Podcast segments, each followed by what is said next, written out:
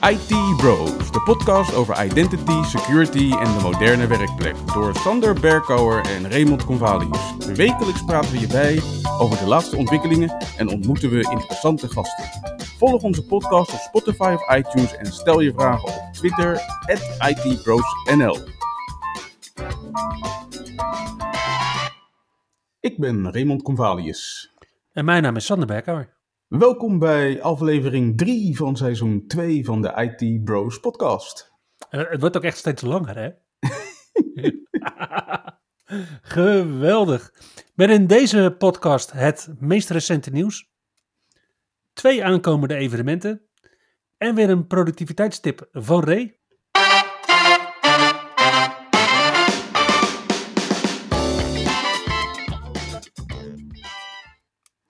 Hey Sander, volgens mij waren we van plan om deze week te gaan hebben over financiële gegevens. Maar de cijfers komen pas volgende week.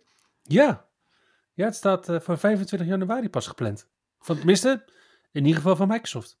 Ja, maar nu had Microsoft toch wel financieel nieuws deze week. En ik moet zeggen, een stevige klapper. Ja, hij heeft geen invloed op die uh, kwartaalcijfers. Want het is eigenlijk alleen een aankondiging.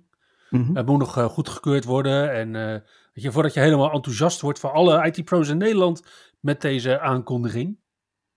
Ja, maar ja, goed. Uh, Microsoft is voornemens om 68,7 miljard dollar te gaan spenderen aan de aankoop van Activision Blizzard. Nou, en als je dat dan terugrekent naar uh, euro's bijvoorbeeld, dan blijft daar nog 60 miljard ongeveer van over. Een stevig bedrag, eh, waarmee Microsoft aangeeft dat ze ambities hebben op het gebied van gaming. Na deze aankoop zijn ze wellicht de derde grootste game studio ter wereld na Tencent en Sony. Ja. En met uh, Activision Blizzard kopen ze een uh, ja, toch wel uh, aansprekende hoeveelheid game studio's aan als je mij vraagt. Ja, want ook King valt daar bijvoorbeeld onder. En King kennen we natuurlijk van Farm Heroes, Candy Crush, mm -hmm. Pet Rescue, Bubble Witch. Ja, dat, dat Candy Crush, ja, dat doet het hier bij mij thuis wel goed. Zitten mensen op uh, level 5120. Zegt mij helemaal niks, moet ik eerlijk zeggen. Nee, ik denk dat er weinig luisteraars overheen zullen gaan. Tenzij zij ook vanaf het begin al, uh, toen Microsoft dat met Windows 10 meeleverde, zijn gaan spelen. Oké. Okay. Nou ja, behalve Candy Crush is World of Warcraft denk ik ook wel een van de meer aansprekende titels. Ja, ja Activision kennen we natuurlijk van Call of Duty, Tony Hawk Pro Skater, Crash Bandicoot en de, de Skylanders. Ik kan me nog herinneren dat we daar ook al eens uh, samen voor hebben geshopt. Een paar ja, jaar geleden. Klopt. En Blizzard kennen we natuurlijk van de machtspelletjes en seksuele intimidatie op de werkvloer. Oh, ik, ik bedoel uh, StarCraft, uh, Diablo, World of Warcraft en meer recent Overwatch. Ja.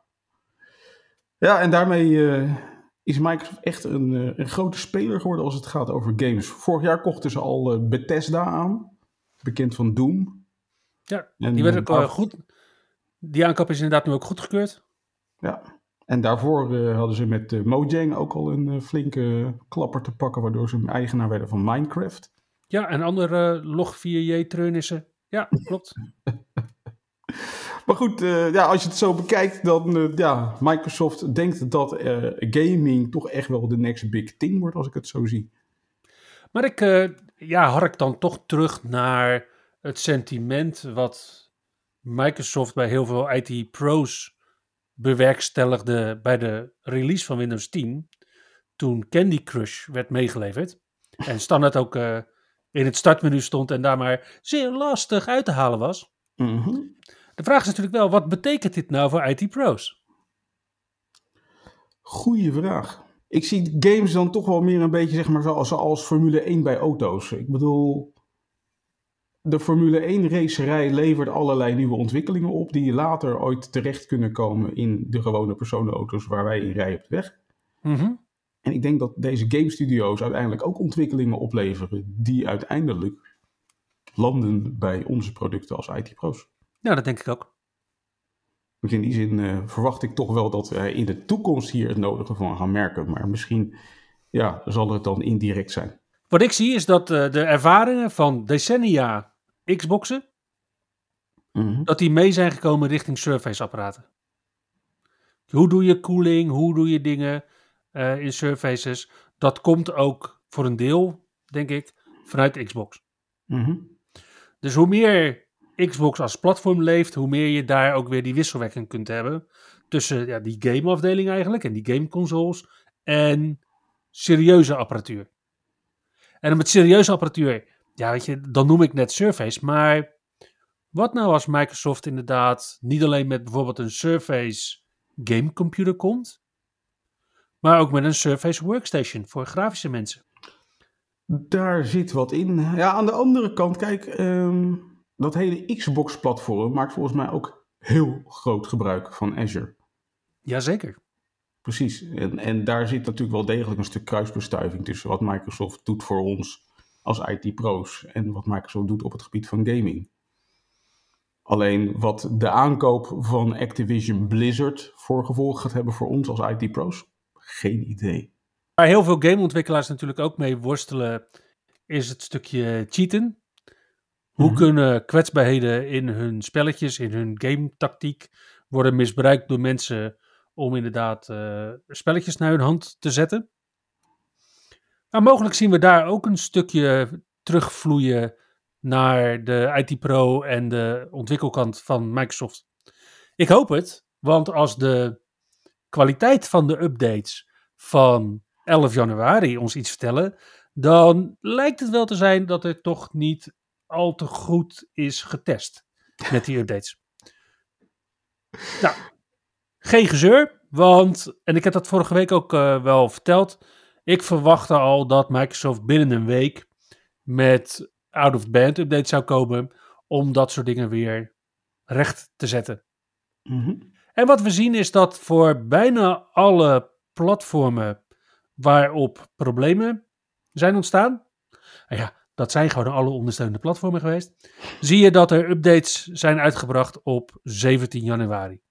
Behalve voor Windows Server 2019, dat duurde net even wat langer en toen was het al 18 januari. De out-of-band updates zijn nu uit voor Windows en men kan nu veilig patchen naar de January update van 2022.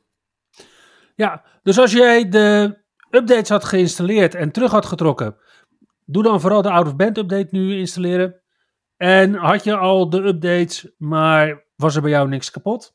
Of luister je gewoon niet naar je eindgebruikers? En dan is het misschien alsnog sowieso wel fijn om deze update ook te installeren. Ook al is het een optionele update. Ja. Nou, je ziet dat die out-of-band update, die wordt wel op een aantal verschillende manieren gedistribueerd. Zo kan je de out-of-band update voor Windows 8.1 en voor server 2012 en 2012 R2 alleen downloaden van de update catalog. Mm Is die voor de overige Windows versies ook te krijgen via Windows Update. En is de update voor Windows Server 2019 nog even niet te downloaden vanuit Wesus? Ja, dat duurt even wat langer. Maar uh, ja, je kan veilig over. Ja, ik, ik heb daar toch moeite mee. Ik, ik ga hem even wat anders verwoorden, Ray, wat je nu zegt. Oké, okay, vertel. Ja. Ik raad aan om deze updates te installeren, omdat de kans dat deze updates grotere problemen veroorzaken dan de vorige lichting updates daadwerkelijk flink kleiner is. Oké. Dat is ook niet zo moeilijk, denk ik. Nee, precies. Nu hadden we vorige week Patch Tuesday. En wat wij daar even niet in hadden meegenomen, is dat uh, de NSA ook nog even een paar kritieke kwetsbaarheden in Exchange had laten aanpakken door Microsoft. Namelijk in Exchange 2013, 2016 en 2019 bleek een uh, kwetsbaarheid te zitten met een CVSS-score van 9.0. En die is uh, mede gepatcht door Microsoft. Dit betrof een uh, remote code execution vulnerability, waarbij Exchange servers vanaf het interne netwerk ja, toch wel flink kwetsbaar waren. En daarnaast had Microsoft zelf ook nog een aantal kwetsbaarheden ontdekt, die ook een CVS-score van 9.0 hadden uh, gekregen. En die zijn weliswaar niet als kritiek bestempeld, maar als important door Microsoft. En ook die werden tijdens Patch Tuesday meegenomen in de updates voor Exchange. Dus uh, sla vooral je Exchange servers niet over bij deze patchronde. Ja, de manier waarop Microsoft uh, af en toe inderdaad een important labeltje en op andere keren een kritiek labeltje inderdaad op updates plakt, daarvan ontgaat mij af en toe ook de logica. Blijkbaar schatten ze in dat uh, die ene kwetsbaarheid toch iets makkelijker te misbruiken is dan die andere. Oké. Nou, naast uh, de updates hadden we afgelopen week uh, ook weer een nieuwe versie van Windows 11 in de Insider Channel. Of in, cool. de, in, in de Dev Channel van Yep. Windows 11. En wat is er nieuw, uh, Ray? Deze keer hebben ze een update uitgebracht voor Voice Access. Dus nu kan je met Voice Access kan je ook het touch keyboard bedienen. Oh, die zet ik altijd uit, sorry. Ja, maar goed, ze hebben die dus nu ook toegankelijk gemaakt. Volgens mij hebben ze ook alle toetsen een nummertje gegeven, zag ik zo ergens in de loop van de documentatie voorbij komen. Ze hebben een, wat ze noemen, updated entry point for widgets voor uh, de weather app in de taskbar. En die is er nu voor iedereen. Die was eerst voor een beperkte groep mensen beschikbaar. En ze hebben het alt-tab venster. Hebben ze ja, mooier gemaakt door nu de accentkleuren van Windows ook te gebruiken in het alt-tab venster. Daarnaast is er misschien nog wel een leuke update voor de IT-pro's onder ons, namelijk Hyper-V Generation 2 VM's. Die gaan nu ook HTTPS boot ondersteunen. Ja, dat is inderdaad wel een mooie feature op het moment dat je je virtual machines uitrolt over het netwerk. Traditioneel gebruiken we daar FTP voor. Mm Zei ik FTPS? Nee, ik zei FTP. En daar kun je dus nu wel een SSL-capable, zei ik SSL? Ik bedoel natuurlijk TLS-capable uh, protocol voor gebruiken, namelijk HTTPS. Yes. En dat zal dan ook waarschijnlijk gelijk uh, TLS 1.3 ondersteunen, denk ik. I hope so. ook nieuw is een nieuwe versie van Azure Connect deze week. En die vermeld ik nog eventjes specifiek, omdat dit een nieuwe versie is van Azure Connect uh, in de versie 2 releases. En in Azure Connect versie 2 biedt Microsoft nog steeds geen automatische updates aan. Hmm. Dus als je Azure Connect draait, dan is het van belang om deze update handmatig te installeren. Het betreft in dit geval niet een beveiligingsupdate. Er is geen kwetsbaarheid gevonden. Wat Microsoft heeft gedaan is een nieuwe versie van de Azure Connect Health Agent toegevoegd. En deze is nu FIPS compliant. Wat was FIPS ook alweer? Dat is de Federal Information Processing Standards. Niet alleen op het gebied van Azure AD Connect had Microsoft nieuwigheid te melden, ook op het gebied van OneDrive was er nieuws. En wel voor OneDrive op macOS. Afgelopen week is namelijk de uitrol gestart van de nieuwe Files on Demand Experience. En die is geschikt gemaakt voor macOS versie 12.1 en later. En ja, heeft, heeft gewoon een veel diepere integratie gekregen met het OS, met macOS dus. Mm -hmm. En ondersteunt vanaf nu ook Known Folder Move. Ah, nice. Ja. Daarmee krijgt OneDrive op macOS ook nog long-term support van Apple mee. Dus uh, ja, eigenlijk heeft Microsoft min of meer de zegen van Apple gekregen voor OneDrive op macOS. En um, Microsoft geeft ook aan dat uh, vanaf deze nieuwe versie zou je default en niet meer uit te schakelen files on demand meekrijgen met OneDrive op macOS. Dus dat is wel iets om rekening mee te houden. Ja, maar wat we dus wel zien is dat dus de integratie met macOS Monterey dus nu echt een serieuze aangelegenheid is voor Microsoft. Ja, absoluut. Cool. Nou, als je met Files on Demand aan de slag gaat op macOS, dan is het wel de bedoeling dat je je disken hebt geformateerd met APFS, want HFS Plus volumes worden niet ondersteund. Oké. Okay. Nou, dan had Apple ook nog een uh, uitdaging te verwerken de afgelopen week als het gaat over Safari. Er was namelijk een privacy bug ontdekt in Safari. Via het beveiligingslek dat Safari bevat, is het namelijk mogelijk om de identiteit van de gebruiker te achterhalen en welke website een gebruiker heeft bezocht. Dit wordt veroorzaakt door een foutje in de implementatie van de IndexDB API binnen Safari en WebKit. En uh, ja, de fix schijnt dus klaar te zijn, maar het is nog niet bekend wanneer die wordt verspreid. En als je werkt op macOS, ja, dan kan je voorkomen dat je last hebt van deze kwetsbaarheid door gewoon over te schakelen naar Chrome OS. Of gewoon niet te surfen op het web. Ja, bijvoorbeeld. Maar als je op iOS zit of op iPadOS, ja, dan heb je even geen keus. Dan moet je gewoon wachten tot Apple de fix hiervoor heeft uitgebracht. Yep. Hey, ik hoorde een gerucht dat uh, Google wat uh, moeite heeft met de release van Android 12. En dan niet alleen op de Surface Duo. Android 12 is, uh, is aangekondigd in mei van vorig jaar alweer. Dus dan hebben we het inderdaad over zeven maanden geleden. Klopt. En dat gaat niet zo soepel. Kijk, uh, nou goed, wat, wat je misschien wel weet van Android is dat Android, zeg maar, als het klaar is, dan, dan schijnt het nogal wat customizations nodig te hebben per hardwareplatform. Dus daarom duurt het altijd een aantal maanden voordat, zeg maar, voordat het nieuwe OS ook beschikbaar komt op de verschillende telefoons. Alleen nu kwam dus in oktober kwamen de Pixel 6 en Pixel 6 Pro uit van Google. Mm -hmm. Dat waren ook de eerste telefoons die met Android 12 preloaded werden uitgebracht. Klopt, ja. En normaal gesproken, dan ongeveer een maand later, dan krijg je een handvol fixes voor die Android-versie en dan ja, is het echt stabiel. Nou, er kwam in december kwamen er inderdaad fixes uit voor Android 12. Alleen dat was niet een handvol, dat waren er echt tientallen. En die tientallen fixes, die bleken ook niet allemaal te doen wat ze moesten doen. Dus ja, de klachten die er eigenlijk terugkwamen waren in de trant van uh, deze update heeft mijn platform niet stabieler gemaakt. Daarnaast zie je dat ook Samsung en OnePlus gewoon enorm lopen te worstelen met Android 12. Want ook daar blijkt de stable build van Android 12 gewoon niet zo stabiel te zijn. En uh, ja, al die fabrikanten zijn dus nu nog een beetje aan het worstelen met het goed krijgen van hun apparatuur met Android 12. Ondertussen schijnt de hardware echt helemaal geweldig te zijn. Maar ja, op softwaregebied heeft men uh, nog wat uitdagingen te overwinnen. Waar kennen we dat van? Waar kennen we dat van?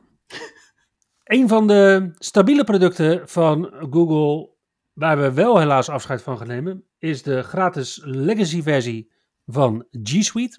Het was namelijk uh, voor organisaties mogelijk uh, vanaf 2006 om gratis aan de slag te gaan met G Suite en daar ook hun eigen DNS-domeinnaam aan te koppelen voor nou, leuk je eigen bedrijfsnaam als e-mailadres natuurlijk. Mm -hmm. Maar per 1 juli wordt dit een betaalde dienst voor iedereen. Ja. ja, ik heb ook jarenlang hier gebruik van gemaakt. Het begon ooit als Google Apps. Later heette het G Suite en tegenwoordig heet het Google Workspace. En het was heel lang een prachtige manier om ja, min of meer gratis je mail te ontvangen met je eigen domeinnaam. Helaas uh, dus niet meer gratis per 1 juli. Er gaat zelfs een, een, redelijk stevig prijskaartje aan hangen, want per user ga je 6 euro per maand betalen aan Google. Tenzij je in het onderwijs zit of een non-profit organisatie bent. Ja, inderdaad. Nou, die 6 euro per maand, dat is, uh, ja, is een mooie benchmark. Want dat betekent dat sommige Office suites van Microsoft daaronder zitten. En ik ben eens gaan graven bij Microsoft. En ik zag gewoon dat er in het nieuwe Exchange Admin Center gewoon een hele mooie wizard is. Die er helemaal doorheen loopt om je spulletjes te migreren van G Suite naar Exchange Online als je dat zou willen. Ja, het is uh, afscheid denk ik voor heel veel mensen van uh, G Suite op deze manier. Daarnaast heeft uh, Google ook nog een nodige reparatiewerk verricht aan Chrome 97. We hadden het er vorige week nog over. Chrome 97 kwam uit. Mm -hmm. Inmiddels heeft Google 26 kwetsbaarheden gerepareerd in Chrome 97. Van die 26 kwetsbaarheden was er één kritiek, namelijk de CVE 2022-0289, waarvan Google nog geen details bekend heeft gemaakt, maar het gaat over een use after free vulnerability in de safe browsing component. En het is ook niet helemaal duidelijk of dit zeg maar al misbruikt wordt in het wild. Wat wel bekend is, is dat deze vulnerability is ontdekt door het Project Zero team van Google zelf. En dan dus gefixt is binnen 90 dagen, want anders had Project Zero er al publiek uh, een mooie blogpost voor gemaakt. Zoals ze dat bij heel veel kwetsbaarheden voor Microsoft hebben gedaan. Precies.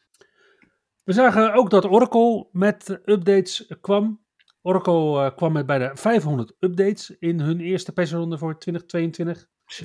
Zij komen vier keer per jaar met een kritieke patch-update. En het, uh, ja, het zijn updates in meerdere producten, in hun communicatiesoftware, in hun financiële applicaties, maar ook bijvoorbeeld in de MySQL database uh, en in hun retail applicaties. de CVSS-scores, waar, we het ook altijd, eh, zo, waar wij het ook zo vaak over hebben. Hè? Om het, ja. weet je. En dan, volgens mij zijn wij al een beetje afgestompt als we inderdaad eh 9.0 scores al missen bij Microsoft. Maar wees gerust, hier zit gewoon een, eh een CVSS-score in van eh, 10.0.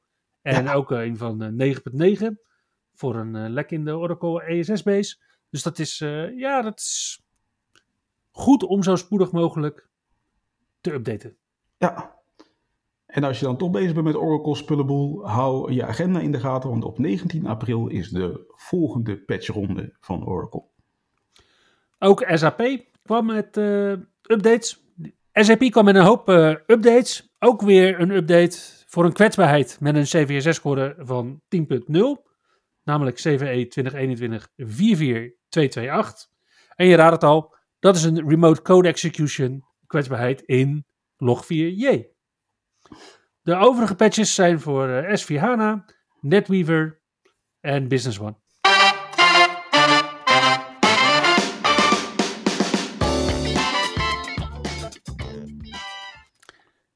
Hey Ray, ik zag dat de Workplace Ninjas uit hun eh, winterslaap komen. Tja, aankomende dinsdag gaan ze weer aan de slag.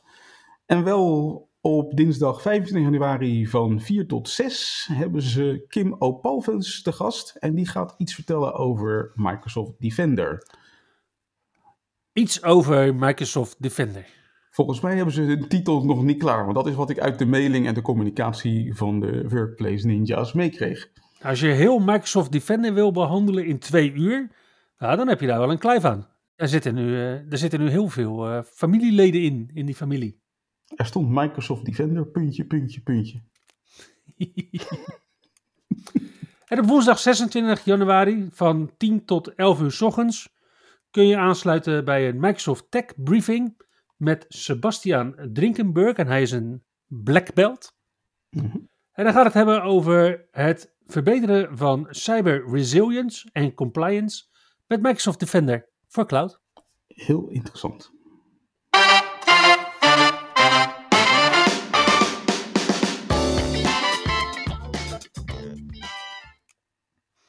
Hey Ray, wat is de productiviteitstip van deze week?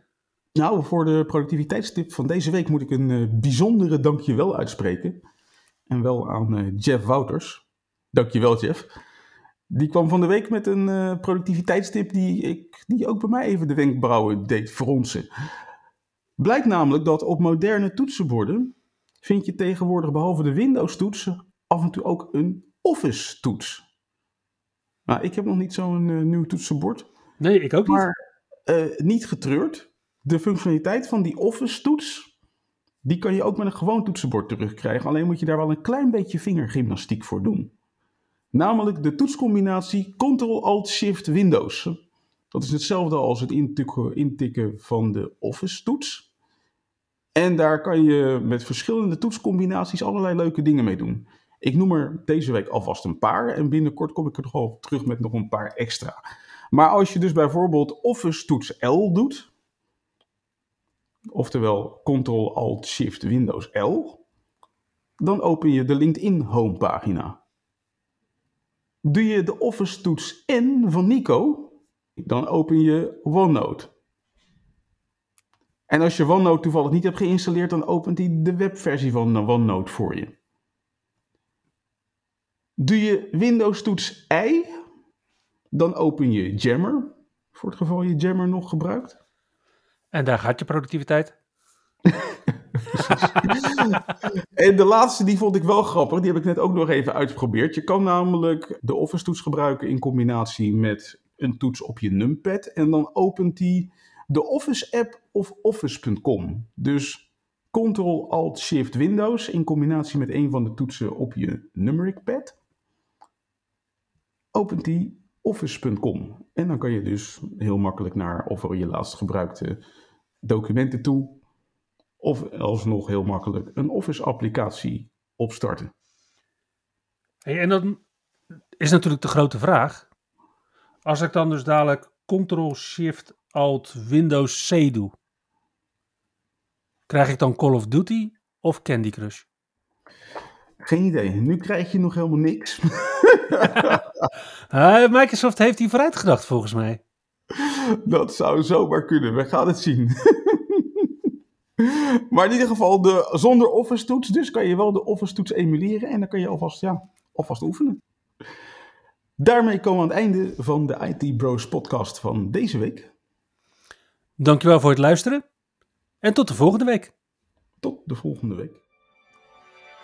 Je luisterde naar IT Bros, de wekelijkse podcast over identity, security en de moderne werkplek. Abonneer je op Spotify, iTunes of Google Podcast als je de volgende aflevering niet wilt missen. Heb je hints of tips? Laat dan van je horen op Twitter. @itbrosnl